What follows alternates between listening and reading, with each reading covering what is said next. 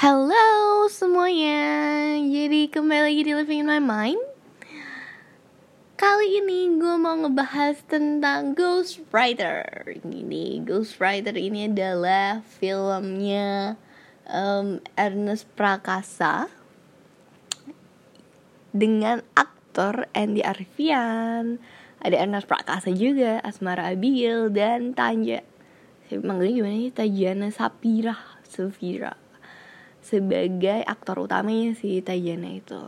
Nah, hmm, jadi um, Ghost Rider ini sendiri um, salah satu film horornya pertama Ernest ya kalau setahu aku. Jadi biasanya kan dia buat film-film yang komedi keluarga itu kan. Kali ini dia mau buat film yang horor walaupun tetap keluarga sih kalau aku lihat ya. Tapi ini lebih arah horor dan tentu aja ada komedinya.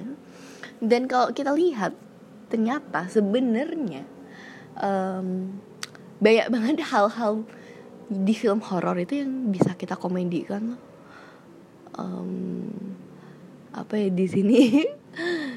Aku jadi ketawa karena lucu sih. Um, buat kalian-kalian yang belum nonton kalian harus nonton sih ini film Ghost Rider. Lucu saya lucu lucu banget gitu.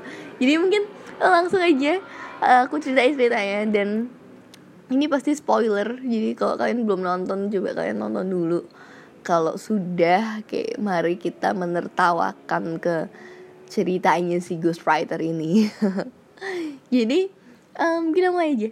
Jadi ceritanya ini adalah tentang uh, seorang wanita bernama Naya atau Tajian Shapira ini jadi dia ini pindah sama adiknya yang baru SMP ke satu sekolah. Eh kok satu sekolah? Ke satu rumah. Jadi rumah itu tuh besar, tapi itu rumah lama gitu. Jadi dari awal waktu kita masuk aja itu udah kelihatan horor banget. Kalau kita sering nggak sih kayak um, kalau di film film horor tuh kita tanya kayak apaan sih nih orang udah tahu tuh rumah besar apa tapi kuno gitu udah kelihatan seremnya. Eh masih datengin gitu. Kita sering gak sih kayak kalau lihat film horor gitu? Nah ini persis banget ini filmnya Ernest. Um, film apa kali ini tuh juga kayak gitu. Jadi ngeselin banget. Waktu awal-awal gitu kita udah lihat kayak ini serem banget. Prabolanya tuh udah kuno. Udah terus dindingnya yang ngeletek-ngeletek yang emang udah serem gitu eh masih datengin kayak um, udah Alvin kayak, sengaja banget sih gitu. Tapi kalau dipikir juga um, membuat kita berpikir sih ya. Maksudnya ya juga ya semua film horor selalu kayak gitu ya kayak apa udah tahu tuh rumah tuh kelihatan angker tapi masih didatengin gitu lucu gitu. Nih kita udah bisa ngetawain hal itu di Ernest gitu. Nah um, jadi ceritanya itu jadi mereka pindahan ke rumah besar itu. Jadi apa itu rumahnya tuh besar mereka ngontrak di situ buat satu tahun. Nah apa dari awal tuh udah kelihatan uh, tempatnya itu meng apa agak horor-horor gitu. Nah um, terus berlanjut ya habis mereka pindahan dan si adiknya itu udah merasakan hawa-hawa tidak menyenangkan hawa-hawa uh, serem-serem gitu. Dan terus apa uh, si adiknya ketakutannya lucu banget sih. Kayak kak takut. Lucu banget gitu.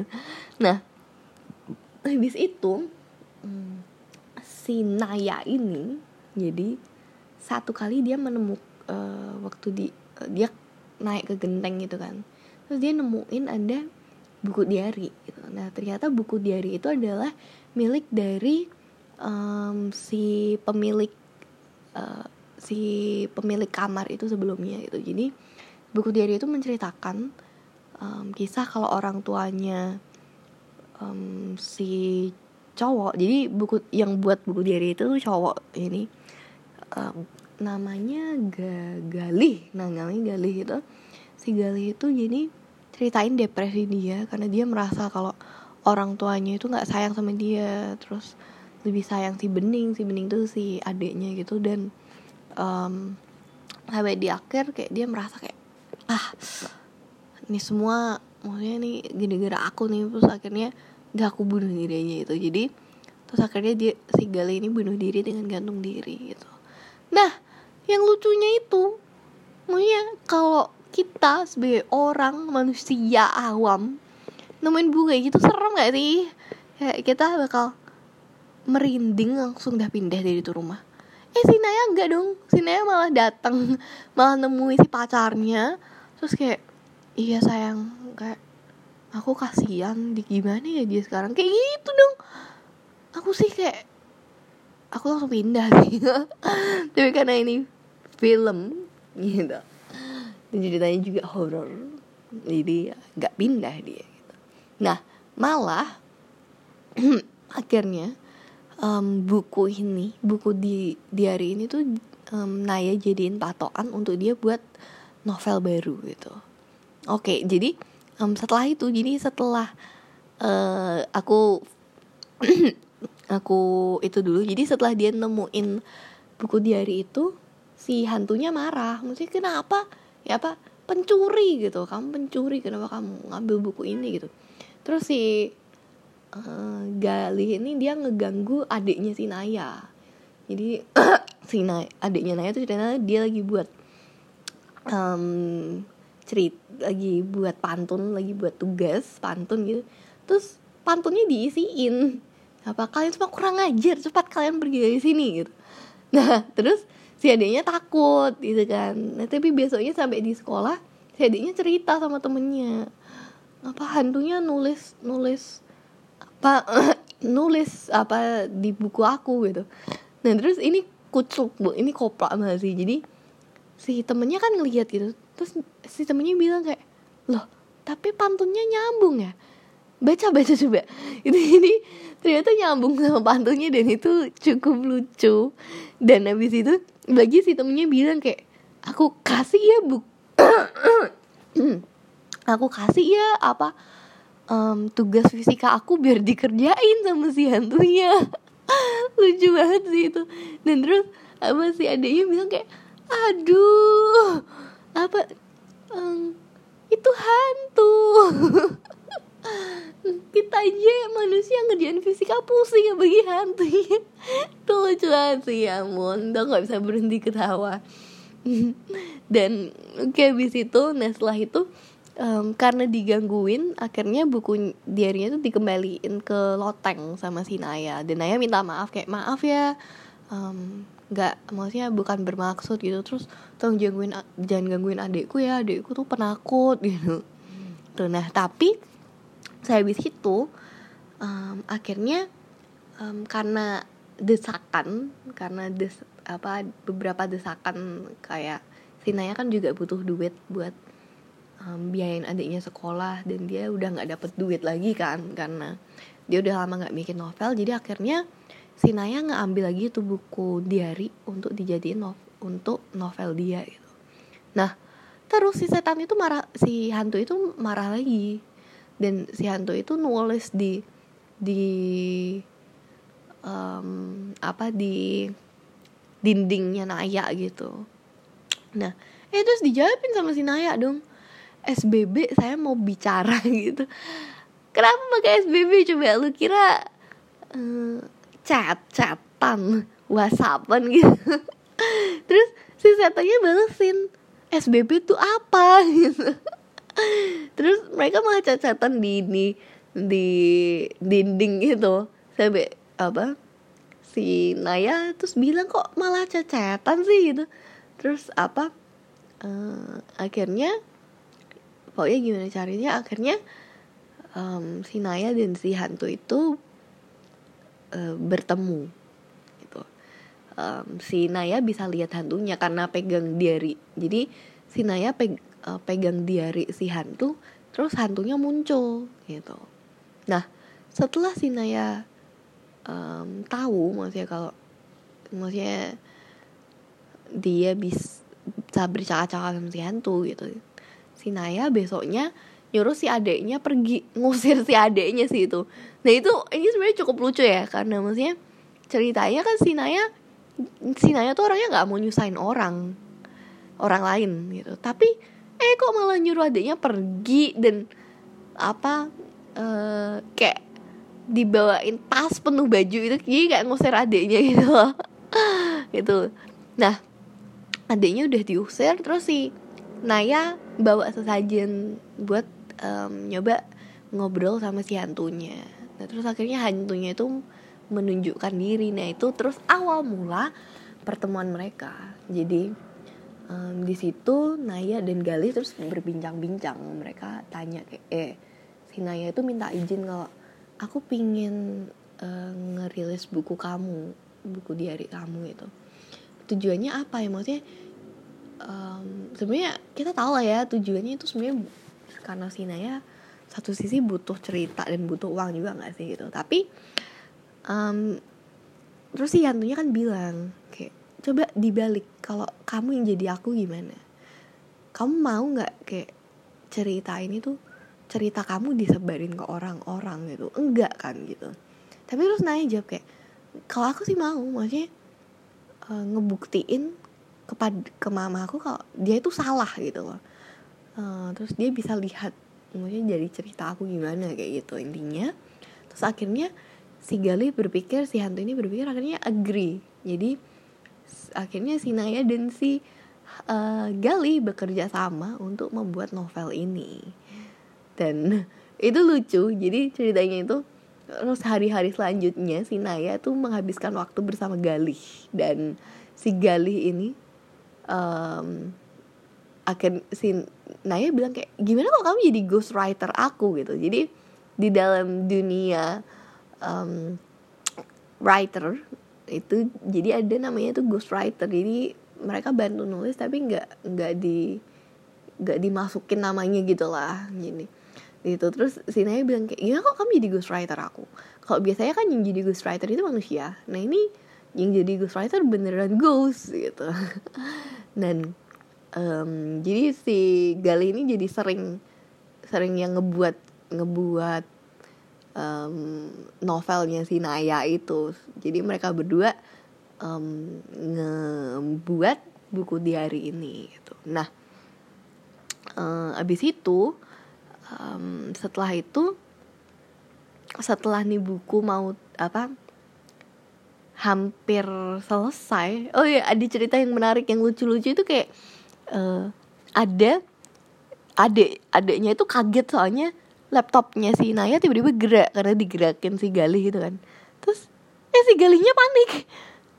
Terus si Galih bilang ini kok aku hantu malah jadi takut sama adekmu ya? Kan aku yang hantu. Gitu kok ini aku hantu jadi nggak ada wibayanya? Gitu. Lucu-lucu deh.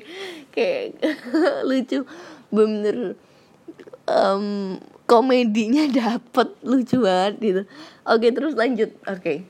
Habis itu um, sibuk um, setelah buku ini udah selesai ditunjukin dong ke atasan ke pihak penerbit dan pihak penerbit bilang kayak oke okay sih dah oke okay, tapi aku minta maksudnya ceritanya ini di pertajam lagi dong maksudku kayak apa ibunya dijahatin lagi dibuat sadis lagi gitu, gitu. padahal kesepakatan antara Naya dan si Gali adalah bahwa nggak boleh ada dramatisasi gitu. Tapi karena Naya udah mikirin kayak Naya butuh duit juga buat uang sekolah adiknya gitu akhirnya didramatisasi. Nah setelah didramatisasi ketahuan sama si Galih uh, dan adiknya Bening. Ya, jadi si Galih punya adik yang dia jadi hantu juga namanya Bening gitu. Dan mereka marah. Tapi yang paling marah itu si Bening si Bening itu marah banget. Um, terus si Bening berniat untuk ngebunuh uh, adiknya si Naya dengan Naya sendiri itu. Akhirnya emang selamat gitu. tapi um, akhirnya selamat. Nah ini yang menarik adalah habis itu uh, jadi si apa waktu hampir dibunuh tuh si Galih datang. Si Galih bilang ke Bening kayak Bening stop stop gitu. Stop apa hentiin semua ini gitu. Terus karena Bening nggak berhenti si Galih ngedorong si Bening. Dan terus itu kita bisa lihat ada cerita flashback waktu si apa si keinget masa lalu gimana waktu bening itu kebunuh itu. Jadi um, aku lupa cerita ini. Jadi ceritanya itu si Galih bunuh diri juga itu karena stres karena dia ngerasa dia penyebab dia nge apa adiknya meninggal. Jadi ceritanya adiknya itu waktu itu um, ceritanya tuh dari kecil emang adiknya tuh selalu disayang. Dan waktu besar tuh ceritanya adiknya bertengkar sama mamahnya sampai adiknya itu kabur ke dia. Dia dia ngekos di Bandung gitu. Nah waktu dia telepon ke mam si Galih telepon ke mamanya mamanya tuh marah-marah bilang kayak ini pasti gara-gara kamu kan emang kamu tuh penyebabnya gitu. Nah karena si Galih juga mungkin ngerasa kesel dan pingin merasa dianggap sama mamahnya akhirnya Galih nganterin si Bening ini kembali ke mamahnya gitu.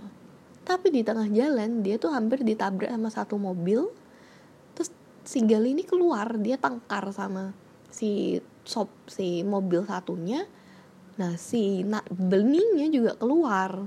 Dia pengen ngehentiin pertengkaran itu eh malah nggak sengaja kedorong dan ketabrak sama mobil gitu.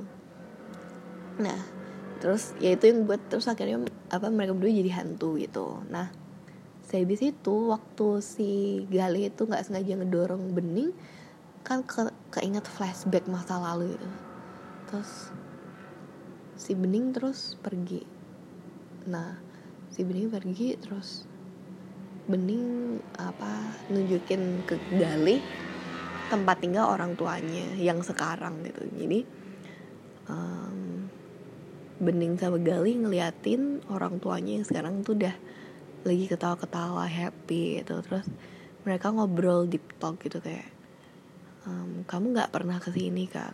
Maksudnya kamu nggak pernah nyamperin malah papa kan? Dan itu kita bisa lihat waktu itu si Gali itu masih keras kayak ya kenapa? Maksudnya. Um, dan kita bisa lihat karakter si Bening tuh sebenarnya Bening kelihatan banget sayang sama orang tuanya. Mungkin karena Bening juga lebih disayang ya. Di kelihatan kalau Bening itu um, gak kepingin maksudnya orang tuanya tuh tersakiti itu. Terus makanya itu si Bening itu bilang kayak batalin jangan keluarin novelnya gitu tapi si Gali sedang si Gali um, itu bilang kayak aku tuh punya alasanku gitu. Dan sebenarnya menurutku Ernest cerdas eh, Ernest pintar banget sih dalam ngegarap ini film. Karena secara karakter masing-masing kita bisa mengerti loh kayak um, antara dua tokoh ini kayak kita bisa ngerti dari sisi si Bening. Makanya karena Bening sayang orang tuanya. Kalau novel tuh diterbitin orang tuanya pasti ngerasa bersalah dong kayak nge, nge membangkitkan luka lama gitu. Dan mereka bakal ngerasa bersalah kayak akulah uh, mereka bakal berpikir kalau aku ini loh penyebab anakku bunuh diri gitu.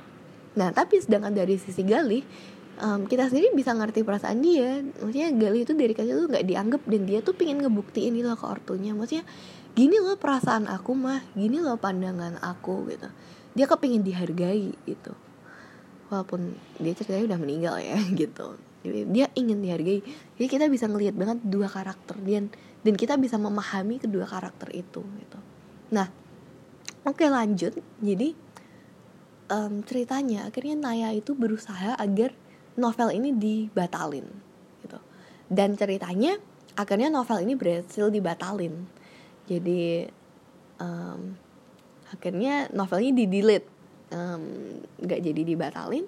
Nah ini klimaksnya teman-teman. Jadi di situ sebenarnya um, Galih itu merasa kalau Bening itu benci sama dia adiknya itu benci sama dia karena itu sering banget ngeganggu dia karena dia merasa Bening benci karena Galih merasa Bening benci karena uh, penyebab Bening meninggal tuh karena Galih gitu. Jadi Galih um, merasa Bening benci karena itu gitu. Nah klimaksnya di sini tuh menarik banget karena um, abis itu Naya tuh baru sadar kalau ternyata Bening itu sayang banget sama Galih gitu. Dan di situ um, antara Galih dan Bening itu ngobrol kayak Bening eh, si Galih bilang kayak aku baru tak apa aku kira kamu benci sama aku? Dan Bening bilang kayak enggak enggak pernah sekalipun aku benci sama kamu dan itu menarik banget sih um, di satu saat itu. Dan yang paling menarik adalah waktu di akhir. Jadi um, di akhir itu akhirnya Naya datang ke orang tua dari si Bening dan si Galih terus si Naya ini ngasih diari si Galih gitu.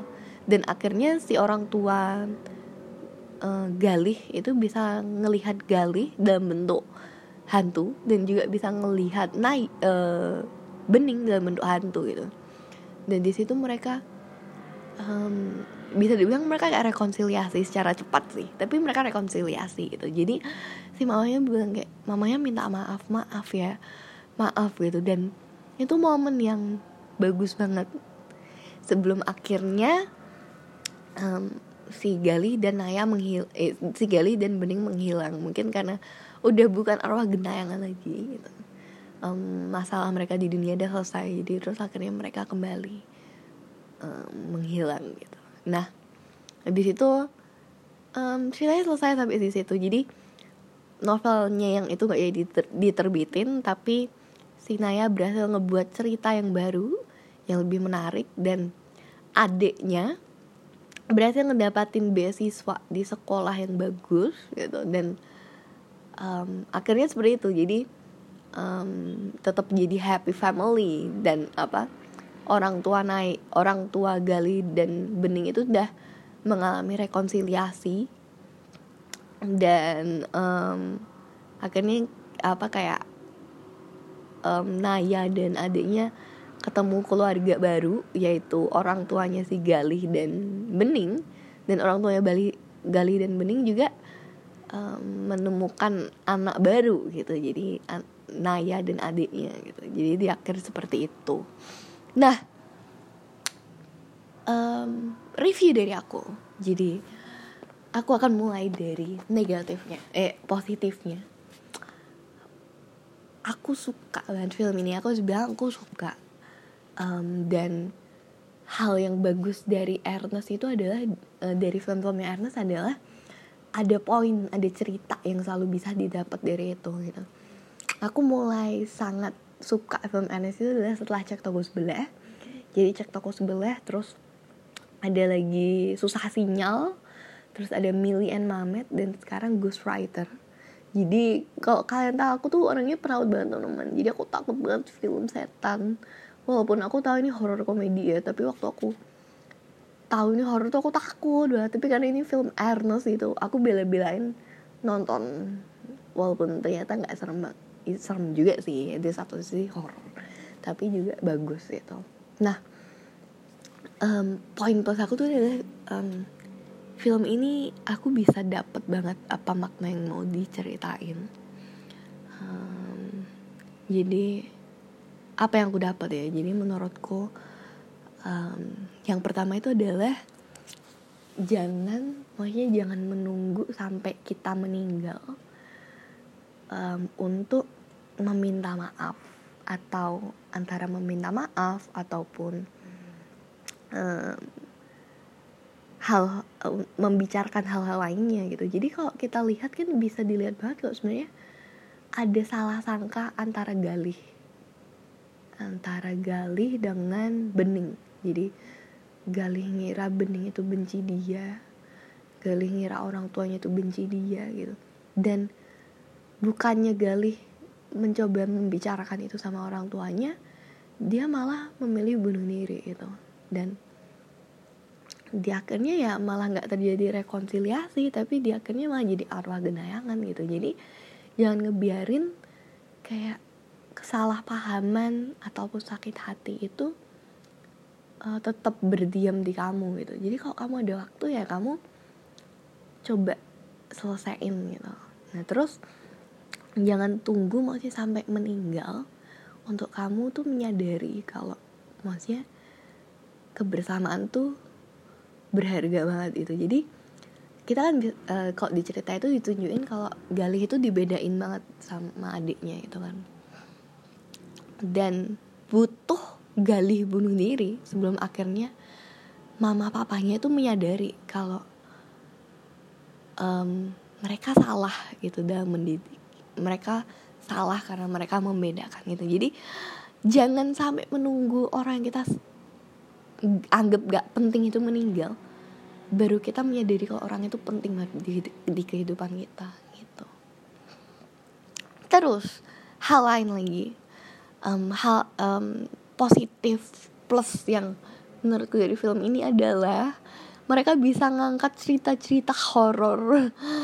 Dan komedinya tuh dapet banget. Jadi sebenarnya dengan kita nonton ini kita sadar banget kalau sebenarnya banyak banget hal-hal cerita-cerita di horor tuh yang bisa dibuat komedi. Ada ada waktu yang waktu apa si adiknya si Naya itu manggil dukun. Terus padahal si temennya itu lagi kebelet berak dan itu lucu banget. Asin sih. Temennya tuh berak. Lucu banget tuh. Apa banyak hal horor yang sebenarnya um, bisa dijadikan komedi. Dan Ernest itu berhasil ngebuat um, komedi di sini. Dan komedinya aku bisa ketawa lepas. Aku inget banget waktu um, aku harus bilang komedi apa um, humor humornya Ernest meningkat pesat banget sih. Jadi um, kalau dicek toko sebelah ataupun susah sinyal itu menurutku um, bercanda apa komedinya tuh masih yang kayak hah? Oke okay, lucu gitu. Tapi kalau apa waktu mulai milih Mamet itu lucu banget. Kayak aku ketawa lepas banget gitu. Dan ini juga aku ketawa lepas lucu gitu. Um, kayak gitu. Jadi um, horor dapat komedi dapat makna ceritanya dapat dan juga nggak berlebihan juga nih cerita. Jadi kayak pasti loh kayak um, semua unsurnya gak berlebihan. Kayak horornya gak berlebihan komedinya gak berlebihan terus saat cerita keluarganya itu juga gak berlebihan gitu. Jadi pas bagus tuh. Nah terus untuk minusnya apa minusnya mungkin karena horor. Aku gak suka horor jadi aku takut. Walaupun apa di akhir-akhir uh, horornya mulai berkurang gitu tapi horor guys takut gitu. Dan terus yang lainnya apa lagi ya? Um, gak ngerti sih aku. Um, mungkin itu um, pendalaman karakter eh pendalaman karakter cukup bagus tapi um, waktu di akhir itu uh, sebenarnya aku berharap lebih sih waktu perkumpulan dengan keluarga. Maksudnya berharap lebih di sini adalah saat orang tuanya si Gali ini ngelihat Gali aku berharap kayak orang tuanya tuh kaget takut.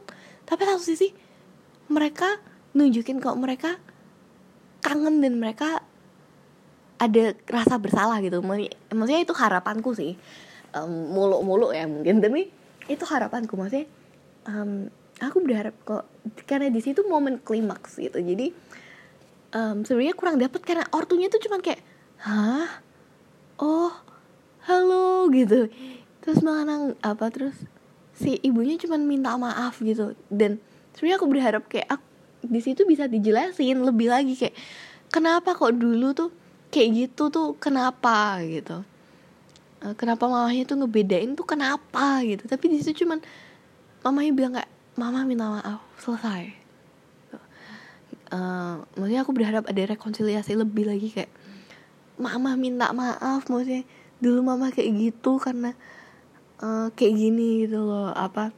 Terus kayak um, maafin mama apalagi ceritanya tuh kan beningnya juga meninggal waktu masih bertengkar sama papanya kan ya apakah ada perasaan bersalah juga gitu kan seharusnya ada gitu loh. Jadi um, sebenarnya waktu klimaksnya itu aku berharap bisa lebih lagi sih. Um, benar-benar ditunjukin yang kayak rekonsiliasi gitu. Hmm.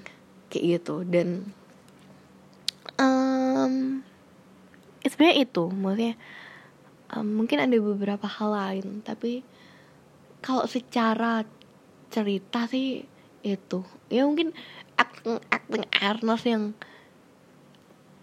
acting Ernest um, sama sih kayak dari dulu dan sekarang berharap ada peningkatan dari acting Ernest walaupun mungkin karena wajah dia emang wajah kocak gitu gak sih? Dia, dia serius tetap kocak.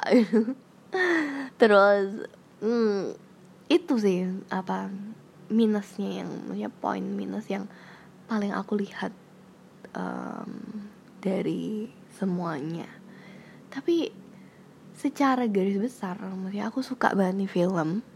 Dan aku ngerekomen banget kalian buat kalian bisa nonton film uh, Ghost Rider ini. Jadi um, apa menurutku film Indonesia tuh sekarang bagus-bagus banget teman-teman. Dan menurutku sayang banget buat kalian kalau kalian nyanyian kesempatan nonton film Indonesia hanya karena merasa ya film Indonesia mending aku nunggu sampai keluar di Indo FX1 yang padahal film Indonesia tuh susah banget keluar di um, web web website website gitu. Jadi selama kalian ada kesempatan buat nonton um, ayo nonton. Dan aku rekomend banget film ini.